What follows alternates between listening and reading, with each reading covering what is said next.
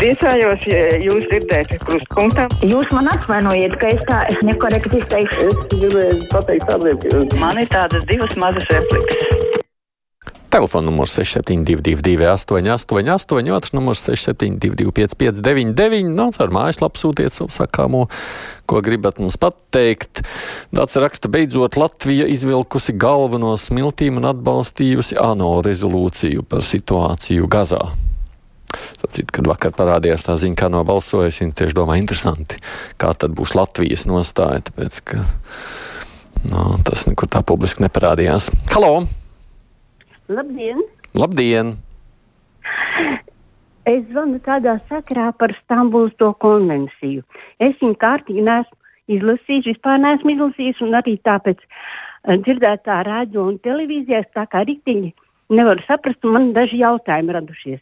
Tad, kad viņi parakstīja visu dienu par radio, nedrīkst cist sievietes, nedrīkst cist sievietes. Bet kā tad ir ar bērniem un vīriešiem? Viņus drīkst, bet sievietes vai līdz tam neaizstāvēja likumus.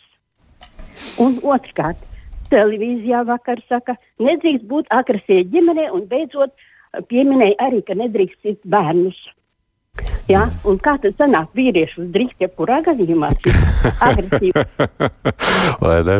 Tā jau ir.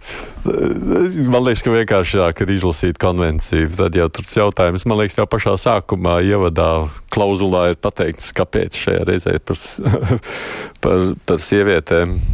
Sist vispār nevienu nevajag. ne bērnus, ne pieaugušos, ne vecus, ne jaunus, ne vīriešus, ne sievietes. Labdien! Veselīņas kundze ir ieņemama amata un juristas diplomā, diploma cienīga, ja bez jebkādiem pierādījumiem nostājās sievietes pusē un pat apšauba tiesas un bāriņu tiesas lēmumus, raksta Vilma. Tas par jūdžu ģimenes nesmukumiem. Nevienu pusi neattaisnoja, bet no tā nedrīkst norakt cilvēku. Es laikam neredzēju, ko ir Siliņas kundze rakstījis. Man liekas, ka šeit jau ļoti daudz vakar izteicās. Es es vakar redzēju visus tos ierakstus un nevarēju saprast, ko ar šo visu darīt. Tāpēc, ka nu, ne jau pirmo reizi mēs reaģējam ļoti asu uz ierakstiem, emocionāli uz ierakstiem. Un tajā brīdī, jau, kad vispār ir cilvēks šķirās ģimenes, nozīmē, ka tur jau ir tāds attiecību sarežģījuma kamols, lai kurš tur varētu izšķitināt. Nekad jau nekas nav melnbalts.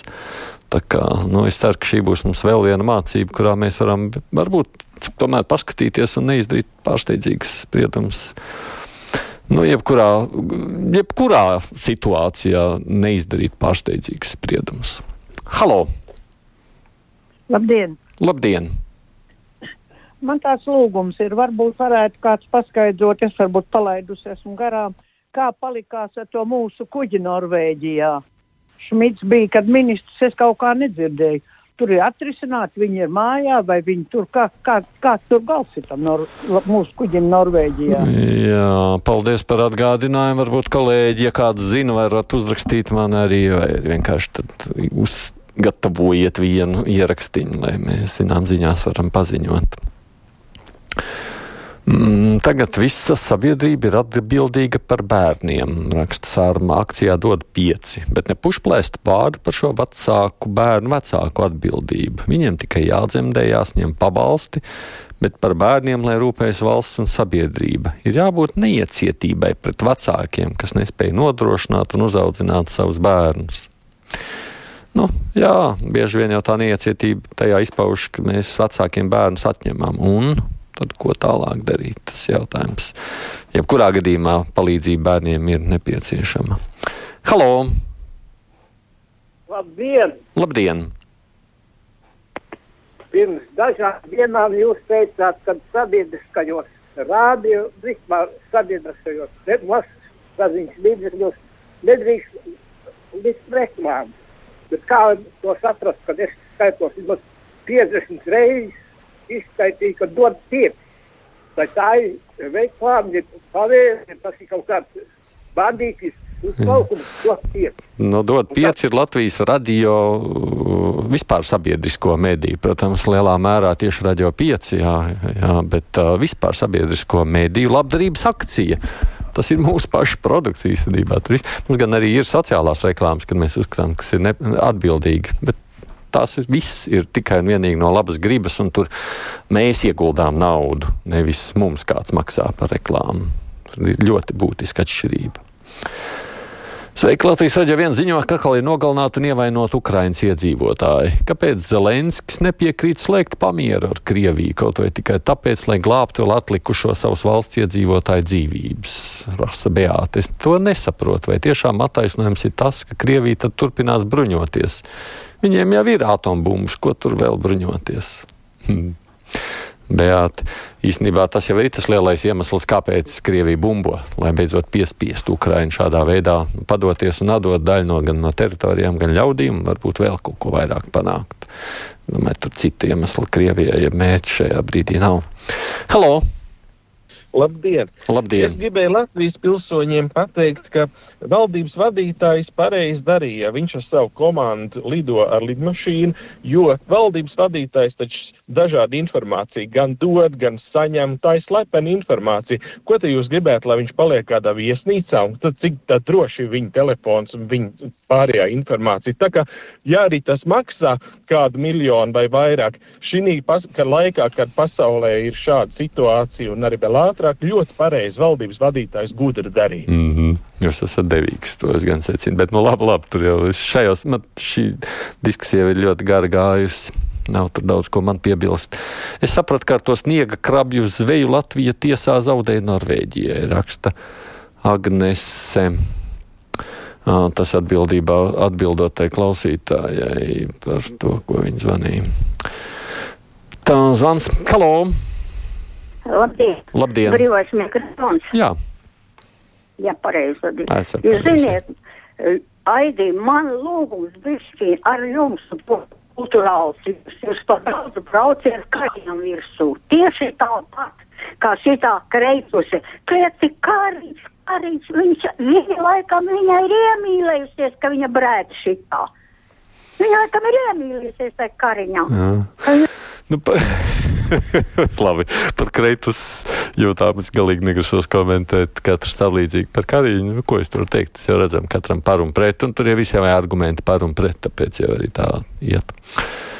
Kad beidzot tiks atcelts tas bezjēdzīgais RS pasākums par iekāpšanu no 9 vakarā pa pirm, par pirmajām durvīm, tas par satiksmi prasa vēlta zaķi gaida, kad atvērs vidējās un pēdējās durvis un iekāpjot nereģistrē braucienu. Tie apzinīgie kā pa pirmajām, vai tad vadītājiem tas ir jākontrolē, viņam ir jāvada transports un jāatbild par ceļu satiksmi. Nu jā, tajā pašā laikā, protams, jautājums, ko darīt ar zaķiem un neatbildīgajiem, tas ir neapšaubām aktuāls. Un es nezinu, kurš tur katrs atrod kādu risinājumu. Halo! Labdien! Labdien! Šā rīta raidījumā par sirdsdarbības atjaunošanas aparātu.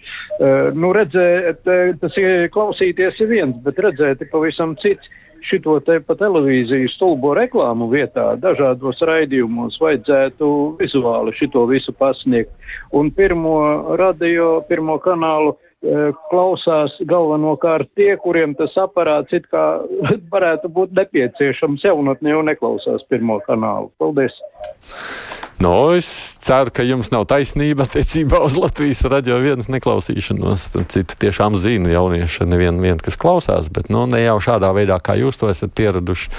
Vismaz, tad, kad manī iesaka, tad viņi izklausās to Spotify vai kādās no citām platformām, kur viņiem tas ir ērti. Tāpēc jau nu, ar to jārēķinās, ka klausīšanās ieradumi mainās.